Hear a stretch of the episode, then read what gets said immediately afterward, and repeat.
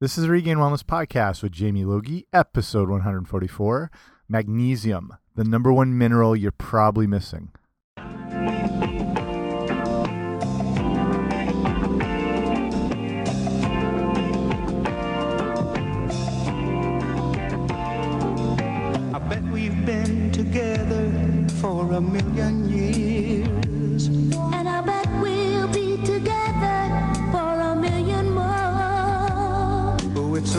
Like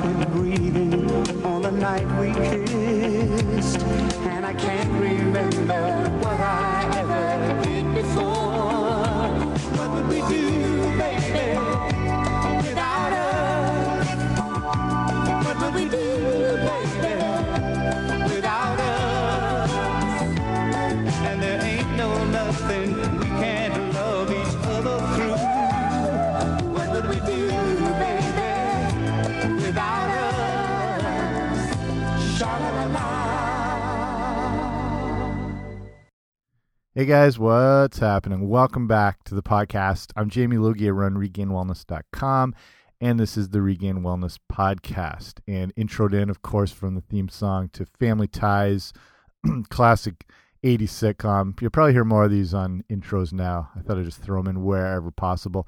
And today's episode is about, like I said in the title, the probably the most important mineral there is magnesium and one that most people are very deficient on just because they're not I mean most people just aren't consuming foods that are rich in magnesium. A lot of real whole foods and stuff I'll talk about that you can get it from.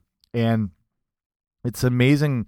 I mean magnesium's responsible for 300 plus different actions in the body from everything like you know muscle control function to you know relaxation and helping with sleep to you blinking. It, it's just involved in so many different um, functions in the body. So this show will be hopefully relatively quick talking about what magnesium really is things that it helps with what happens if you don't get enough and then you know the foods and stuff you want to try and find it in. So before we start if you haven't already here's the obligatory please subscribe to this podcast. Basically wherever you get a podcast um, whether it's delivered by the podcast fairy or you find it under a rock somewhere or on itunes just subscribe. So wherever you find them i should be there. And if you're interested in supporting the show there's a thing called patreon where you can subscribe for like a dollar or two a month and then depending on whatever levels you do there's different sort of levels of rewards from ebooks I've done to full on nutrition coaching and the whole deal. So if you want to see more, it's patreon.com slash wellness. If you check it out, cool. If not, cool too. The show will always be free, but it's just one of those things to help improve it. So let's get right to it with magnesium. Okay, so we'll start with actually what magnesium is. Hopefully, of some interest in um, I guess chemistry, bio, biology related things like these minerals. Uh, if not, you can skip ahead. But basically, magnesium is the second most abundant element that you find in your cells, and the fourth most abundant uh, positively charged ion in the body. So within the body cells, this is where it works. This is where it's involved with those 300 plus different functions I mentioned. So in nature, you find it in different forms. Um, it's bonded with other atoms, such as things like magnesium chloride. So you'd find naturally in the sea. Um, magnesite is that sort of, you know, insoluble rock salt, and sometimes known as uh, magnesium carbonate. And in plants, it's the center element in chlorophyll. It's then it's basically the one readily accessible and the most easily absorbed form of magnesium is going to be magnesium chloride. So if you're looking at supplements or whatever, that's you know the ideal form. It basically because it's soluble in water, and magnesium chlorides it like it really absorbs fast, so it increases the rate of absorption. I mentioned this before, but if you've ever if you're using a supplement and it's in like a pill form, ideally things like powders or capsules full of powder absorb quicker. But if you ever have a say like you know a calcium magnesium supplement and it's in a harder pill form or any supplement. If you want to see kind of the quality of it, drop it into a glass of water. And ideally, you'll see it dissolve within the water. And that'll give you an idea of how absorbable it is in your body. Obviously, like your hydrochloric acid and your stomach acids are a lot stronger. But if you've ever, I've tried this from working in various nutrition stores and just sort of testing things out. There's some that are just rock hard bullets that you can drop in the water, and the next day it's completely in the same condition, like it hasn't dissolved at all. So if you have a, a supplement, a sign of good quality is throwing one in the glass water and seeing how it, it works. So so that magnesium chloride's got that quick absorption rate. Um, all organic matter, like plants, animals, our bodies, they're made up of the that combination of the elements is you know oxygen, a lot of carbon, and hydrogen. So these tiny little building blocks they all work together and sort of mash up together to create the compounds that make up things like your body tissue, body fluids, you know, little microscopic elements that regulate body functions are all sort of working in harmony here. So you've got oxygen, carbon, hydrogen, and nitrogen form the basis of compounds basically found in all living things. So beyond compounds built from these four most common elements the oxygen, carbon, hydrogen, and nitrogen. The rest of your body's contents is made up of minerals. So it starts, these are the building blocks. It starts with those four things and it goes to minerals. And magnesium is a macro mineral, meaning it's a bigger one, which, unlike trace minerals, obviously smaller, is needed by the body in large amounts. So, you know, when you think of macro, think of big, micro is small, unless you want to macrame a pair of jean shorts, which is a whole other thing. So some of those other big macro minerals are the things you know: calcium, sodium, potassium. Um, that's along with magnesium make up some of those big macro minerals. So the average body contains about 25 grams of magnesium, which is quite a lot.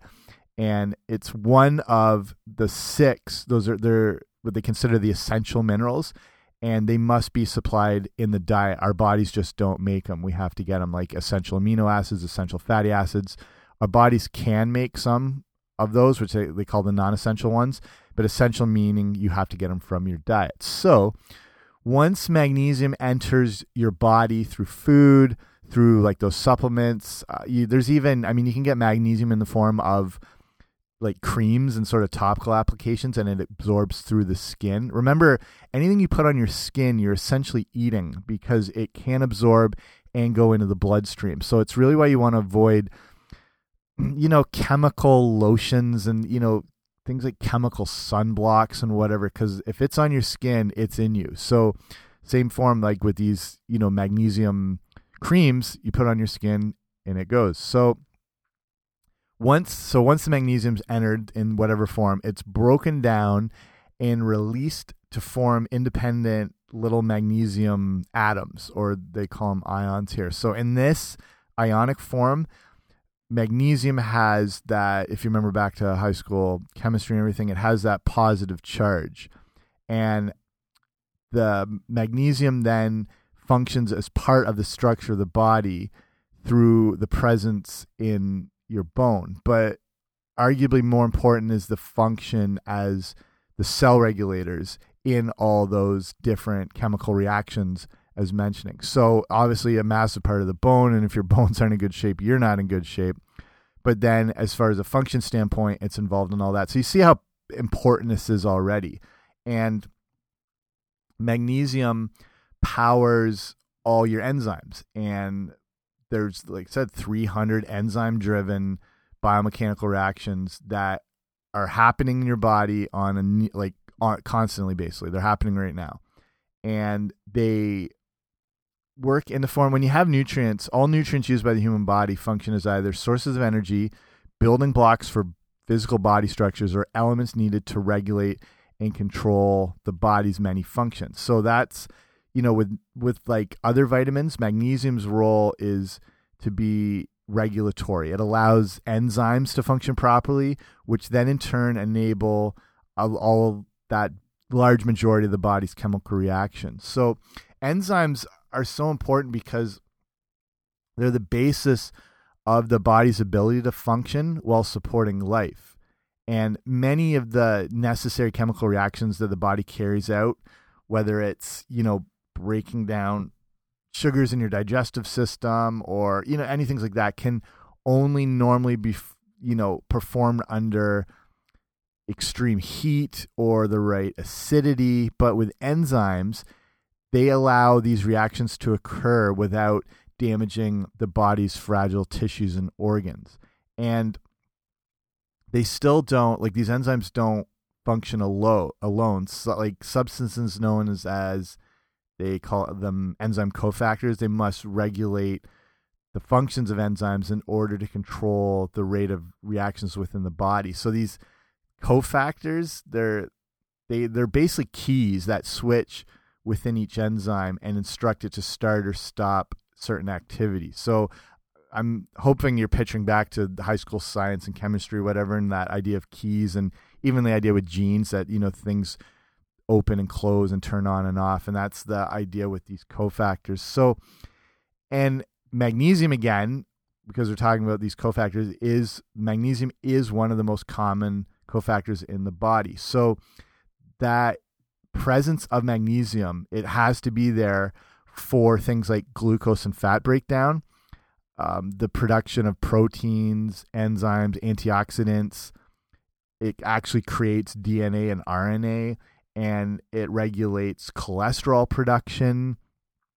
Obviously, like crucial life things. And without things like magnesium or the enzyme cofactors they call it, including you know both hormones and the vital vital minerals such as magnesium itself, reactions could basically spiral out of control. There'd be nothing to keep them in place and function in this right order. And the thing is, even a slight, even a tiny imbalance can chronically impact your body's level of performance and health. And that's why, I mean, magnesium not being the only factor, but one of the biggest ones because people just aren't getting it from their diet and can be related to why there are a lot of, you know, metabolic diseases, inflammatory diseases, um, chronic fatigues. You know, it can be chalked up to things like this. So, magnesium's function as that, you know, that enzyme cofactor is seen to be like crucially important in the role that your body's hormones play. So, the big crucial difference, though, is that, you know, our body can manufacture most hormones by itself using the basic, you know, the building blocks that already make it up. But magnesium just cannot be manufactured by the body and it has to be taken in. So it's so weird that, you know, a lot of these processes in our body can happen from the natural building blocks, but the functions that they have to carry out after don't happen without this thing that we get from our diet, which is pretty incredible to think how we've actually survived as a species um, completely dependent on the foods and stuff that are in our immediate environment that are going to help all these enzymatic reactions happen. So it's just it's fascinating that it's an essential thing that works hand in hand with our own body. So in the in the same way that, you know, multiple bodily systems suffer in cases of, you know, say like thyroid malfunction or insulin resistance, magne like magnesium oh I can't even speak that magnesium the deficiency of it has like super far reaching implications for your overall body's function. And you know like your thyroid control like I said thyroid controls a lot. Your pancreas involved with you know if it's putting out way too much insulin that's you know you need more and more each time and that's what insulin resistance is. And it basically can lead to that burnout of the pancreas and then you're looking at you know type 2 diabetes and then all the problems that will come with that. So it's just it's incredible you know it's it's safe to say magnesium is probably the number one important mineral. Everything is important but you can see how it is just the cornerstone of a lot of these functions and our overall health. So magnesium as well is you know it drives our fuel source. It's a required ingredient of the that energy production process that occurs inside those little tiny structures in the cells. So you have a molecule, if you know about anything with fitness and strength, you've heard of ATP before, adenosine triphosphate. and that's used in it's a, it's basically a unit of energy used in your cells and many of the functions carried out by the cells require ATP to provide the energy for the action. So on this like cellular level, but then as far as like if you're uh, a sprinter or weightlifter or do high explosive basic like base exercise, whatever, ATP is involved with all that. And so, but in the cells, ATP and the role of magnesium is you know involved in the muscle fiber contraction, protein synthesis, building back more muscle, cell reproduction. It transports uh, different substances across the cell barrier, and it's you know think of ATP as that fuel for the cell's activities. It's it's like gas basically. It's gas how gas fuels a car. And if you think to the you know you, the mitochondria, the powerhouse of the cell, and they produce the ATP by just converting you know simple sugars like glucose or fatty acids or amino acids, um, and that's how it's making that fuel. But without the presence of magnesium, the nutrients we take in could not be metabolized into usable units of energy. And so, for athletes or people who are fit, if you're not getting sufficient magnesium, your performance suffers because of this reason. You're just, your cells just aren't able to build that energy from the ATP because you're deficient in magnesium. So it's one of the biggest things athletes are very um, tend to be depleted in naturally just for the performance aspect. When you think of you know electrolyte loss from sweating, and that's the idea behind things. Obviously, like Gatorade is to replenish those electrolyte levels to keep you performing you know longer and more efficient and this isn't just for high end athletes but if you're involved in you know general fitness or crossfit or you do swimming or squash or even like yoga you need that energy for your body to function and it's you know if your diet isn't rich with magnesium then performance and you know energy based activities suffer from it, whether you're LeBron James or you know just some schmuck playing pickup basketball at the YMCA every week. So I could keep going on about the science of it, like I find fascinating. Um, I understand if you don't, and but just just that's a rough look at the key importance on that mind, like that super tiny cellular level um, and how from that level it affects all these big functions in our body. So the signs, there are signs and symptoms you can look for to know if you, or ideally can be pretty sure that you have a magnesium deficiency. They call it uh, hypomagnesemia. And like I said, it's one of the big overlooked health problems. And it's, you know, it basically as of the last research, seventy five percent of people are just not meeting their recommended intake because a lot of like, people just aren't eating as many fresh foods and whole foods where you find these things. Um, and the symptoms don't obvious like they don't necessarily become revealed until the magnesium levels get very low. And so things you can look for are muscle twitches and cramps. So if you get those, you know, little twitches, tremors, muscle cramps, it's it can be a sign of magnesium deficiency. And you know, in worst case scenarios, that super deficiency can end up in you know convulsions and even seizures. So they it's believed that these symptoms are caused by a greater flow of calcium into the the cells we were talking about, which throws the balance off and sort of over excites and really stimulates the muscle cells. Um, so supplements you know, they may relieve muscle twitches and cramps in deficient people, and they're not necessarily the best way to treat it as opposed to getting at constant mineral, natural magnesium intake through food. So it, it, that's it's not always the case. Like any involuntary muscle twitches don't immediately mean uh, magnesium deficiency. Um, this can happen from you know things like too much caffeine or stress or whatever. Even sometimes like the result with certain medications. I don't know, but if if you get these little twitches often and you're not eating a real whole foods diet, it might be related to that. So there's some issues with sometimes um, cognitive problems, sometimes even feeling like lack of emotion, and sometimes things like even depression and uh, maybe a bit of anxiety, stuff like that, can be related to low magnesium levels. And there's been a few reviews and studies that you know, they say that magnesium supplements might benefit uh, a certain amount of people who have different potential anxiety disorders and stuff like that. It's still, you know, relatively new research. A lot of stuff I've been looking at here comes from um, info through Healthline and Authority Nutrition, which do a lot of research based nutrition um, reporting and insights. So, uh, you know, a lot of early looks at things like this, but still, you know, not written in stone, just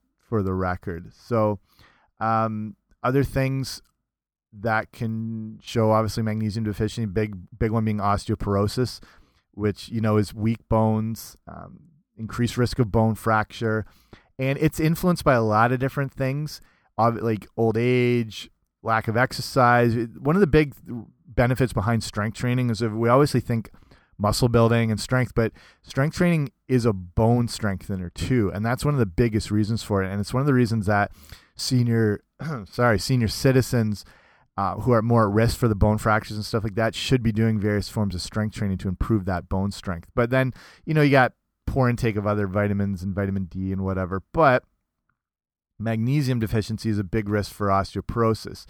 And, you know, the deficiency might itself, you know, I mentioned before how a, a big storage and usage of it is in the bone besides like all the enzyme functions it does in the body. So the deficiency might actually directly weaken the bone. And then it also lowers the blood levels of calcium which mean the main building blocks. And um, there's been studies in rats obviously not you know the direct comparison to people depending on who you're talking about though. But these studies confirm that dietary, dietary magnesium depletion results in reduced bone mass and they haven't done these on people but just the fact that in any form of mammal their bone mass goes down due to a lack of magnesium. So interesting to think about.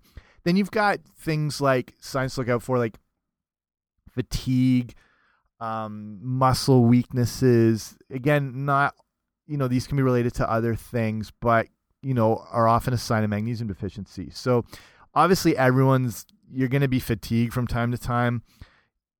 More often than not that means just you need more rest but severe fatigue like persistent fatigue might be a sign of an actual health problem. So it's a tough one since it's not like a non-specific symptom.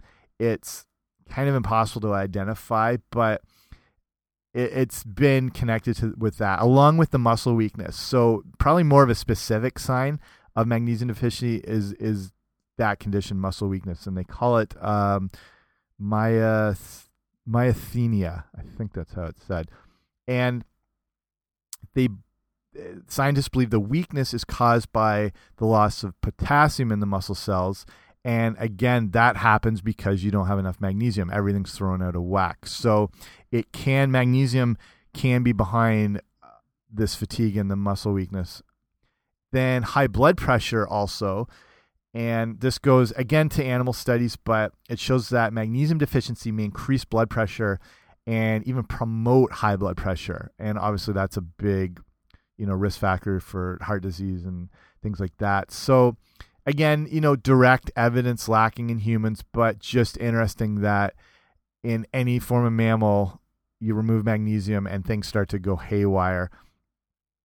And there's different reviews over magnesium supplements that have seen to possibly lower blood pressure in adults who already have high blood pressure. So, um, you know, it, it's going to be something to you want in the mix anyway. Like you're wanting, even if it's not directly related, due to all these other important factors that magnesium's involved in. If it's even a tiny bit related to lowering the risk of heart disease, it's obviously extremely, extremely important. Um, asthma. This is a weird one, and it's in patients with severe asthma. Magnesium deficiency is often um, seen, and and then uh, the other side, magnesium levels tend to be lower in individuals with asthma than in healthy people. So how this is related, it's kind of unclear, but the researchers believe that this lack of magnesium can cause the buildup now because it's out of balance. So there's too much calcium. So the buildup of calcium in the muscles um, lining the airways of the lungs is what's causing the asthma. And this this buildup of the calcium is causing the airways to constrict. Um, that's just one of the functions of calcium working, and then obviously makes breathing more difficult. And interestingly, inhalers with magnesium sulfate are sometimes given to people with severe asthma, and it can help relax them and actually expand and open up the airways. That balance is a little more restored, so calcium isn't dominating. And so, yeah, just interesting that they, you know, kind of pump up these inhalers with that magnesium sulfate. Again, you know, relatively new insight. It's not saying that it's going to completely cure it, but it's you know they're they're looking pretty confidently that the severe asthma is possibly related to um, the magnesium deficiency, but obviously you know still research and info is needed. And one of the last ones is uh, irregular heartbeat, and obviously again this is anytime this is a issue, it's something to check with the doctor and just see what's happening. But it's thought the most serious symptoms of magnesium deficiency becomes things like heart arrhythmias or irregular heartbeat. And the symptoms, though, are, are mild in most cases.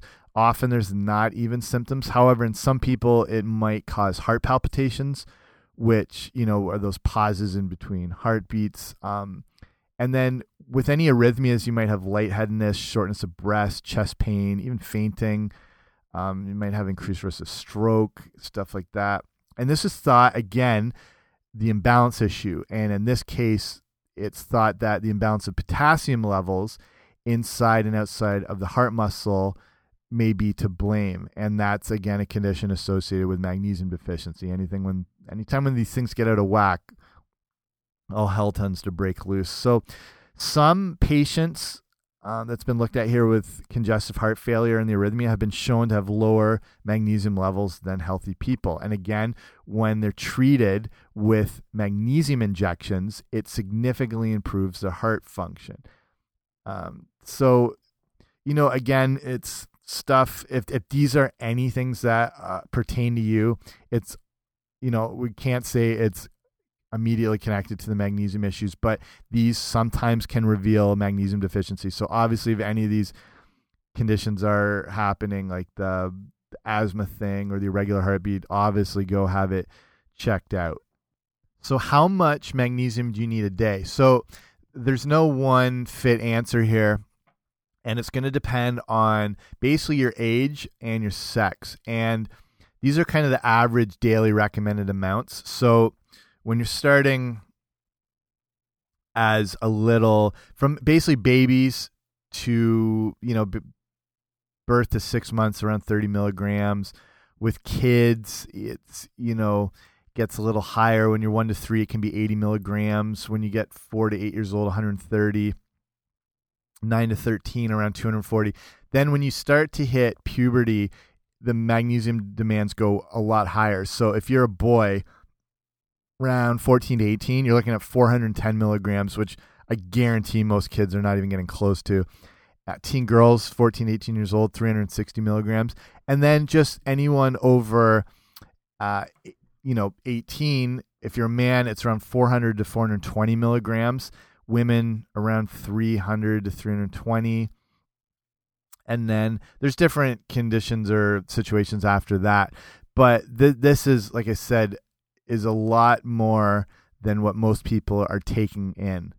So I'll talk about the certain foods you can find it in in just a second. But if so, if you're taking a supplement or a multivitamin, you want to make sure that it, it's around that amount. Like you still don't want to go crazy with it, but you can see how much you do actually need. And then if you're like magnesium that's in naturally present in food is not going to be harmful and it doesn't need to be limited. So in if you're healthy, your kidneys will basically just get rid of any excess in the urine. Um, but if you're doing it in a supplement, you you shouldn't go above those limits. Like I said, like the 300 milligrams or for women or the 400 ish for men. Um, so ideally, if you're eating a lot of the good foods, like you're getting a good intake of it anyway, and then you know maybe if you had um, a supplement that or a multivitamin, it has like a little bit. But like have a look if you're already taking these things, and with those limits in mind, just make sure your supplement isn't going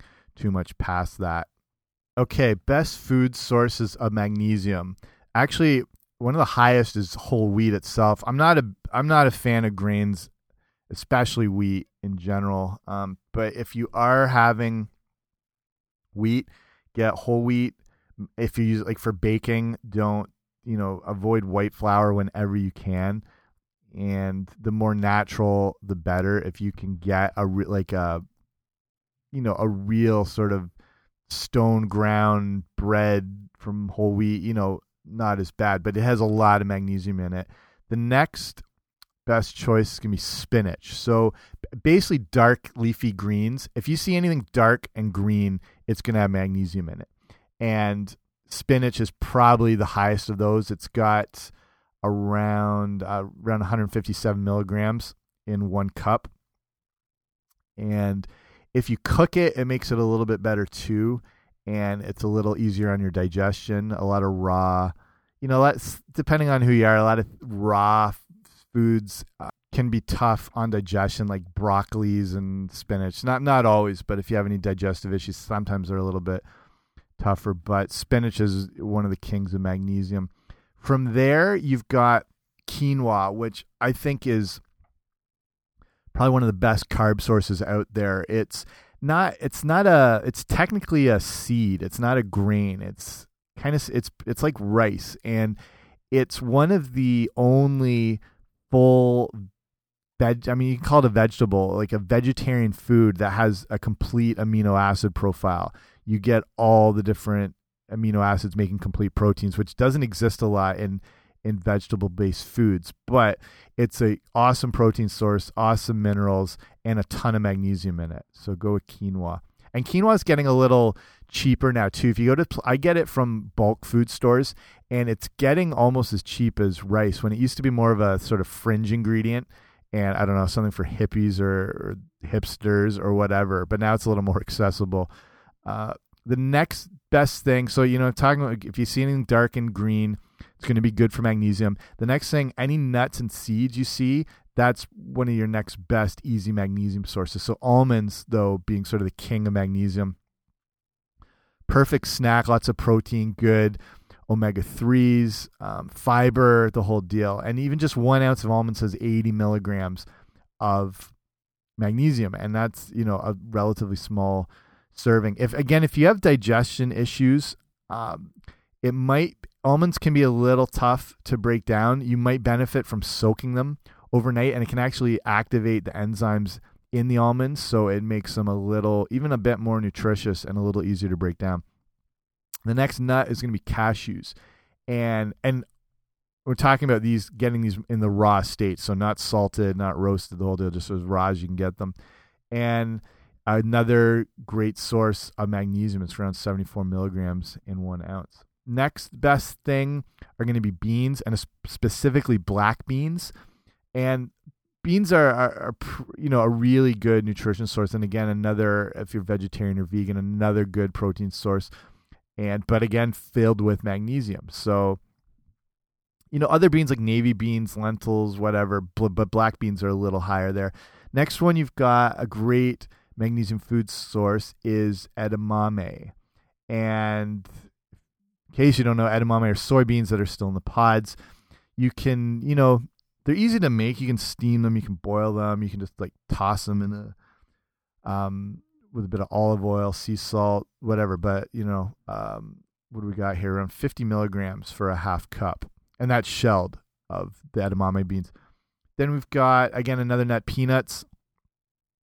If you can get raw, natural, I mean, I'd probably suggest avoiding, you know, brands like Skippy or Jif peanut butter or whatever, which are basically like icing sugar disguised as peanut butter. It's it's like peanut flavored icing sugar with those things, with a lot of crappy vegetable oils in them too, and a lot of previously a lot of cases a lot of hydrogenated oils. But if you can get raw nut butters like peanut butter, cashew butter, almond butter, awesome. And and in the case of peanuts, just two tablespoons has around 50 milligrams of magnesium. So get just straight up plain, and it's good stuff. Okay, last couple things. Tofu. So again, if you're a vegan vegetarian, uh, that's you know one of the meat substitutes. Um, good source of magnesium, and then another said like nuts and seeds are going to be obviously a guaranteed go-to magnesium source, but the top seed are going to be sesame seeds, and you know easy to. I mean, a good snack. You can throw them into like stir fries or salads. It's easy to use, gives more texture and crunch to stuff and even like one tablespoon has around 32 milligrams. So there's a bunch of good magnesium sources right there. And I'll probably wrap it up now. Hopefully you got some good info. I know this is a little more science heavy, but if you like these type of things, let me know. Um, or if you want me to back it off a little, or a combination of both, and or e even just other topics potentially you want to see covered, if you write to info at regainedwellness.com. I'll check your electronic mails and yeah, just let me know. But you know, sometimes it's good to have a little more. It's actually it's hard to talk about magnesium without getting more into the science of it. But there's some good takeaways as far as what to look for with potential issues of not getting enough and then where you can find it. So that's going to be it for me. Probably didn't think I could talk 36 minutes about magnesium, but I did it. So there we go. And again, thanks for listening. If you do like the show, subscribe. If you really like it, give it a rating and review on iTunes, and then more people get to see it, and then they give me a gold star, and everybody's happy. So I'll cut it off here and talk to you soon. Bye.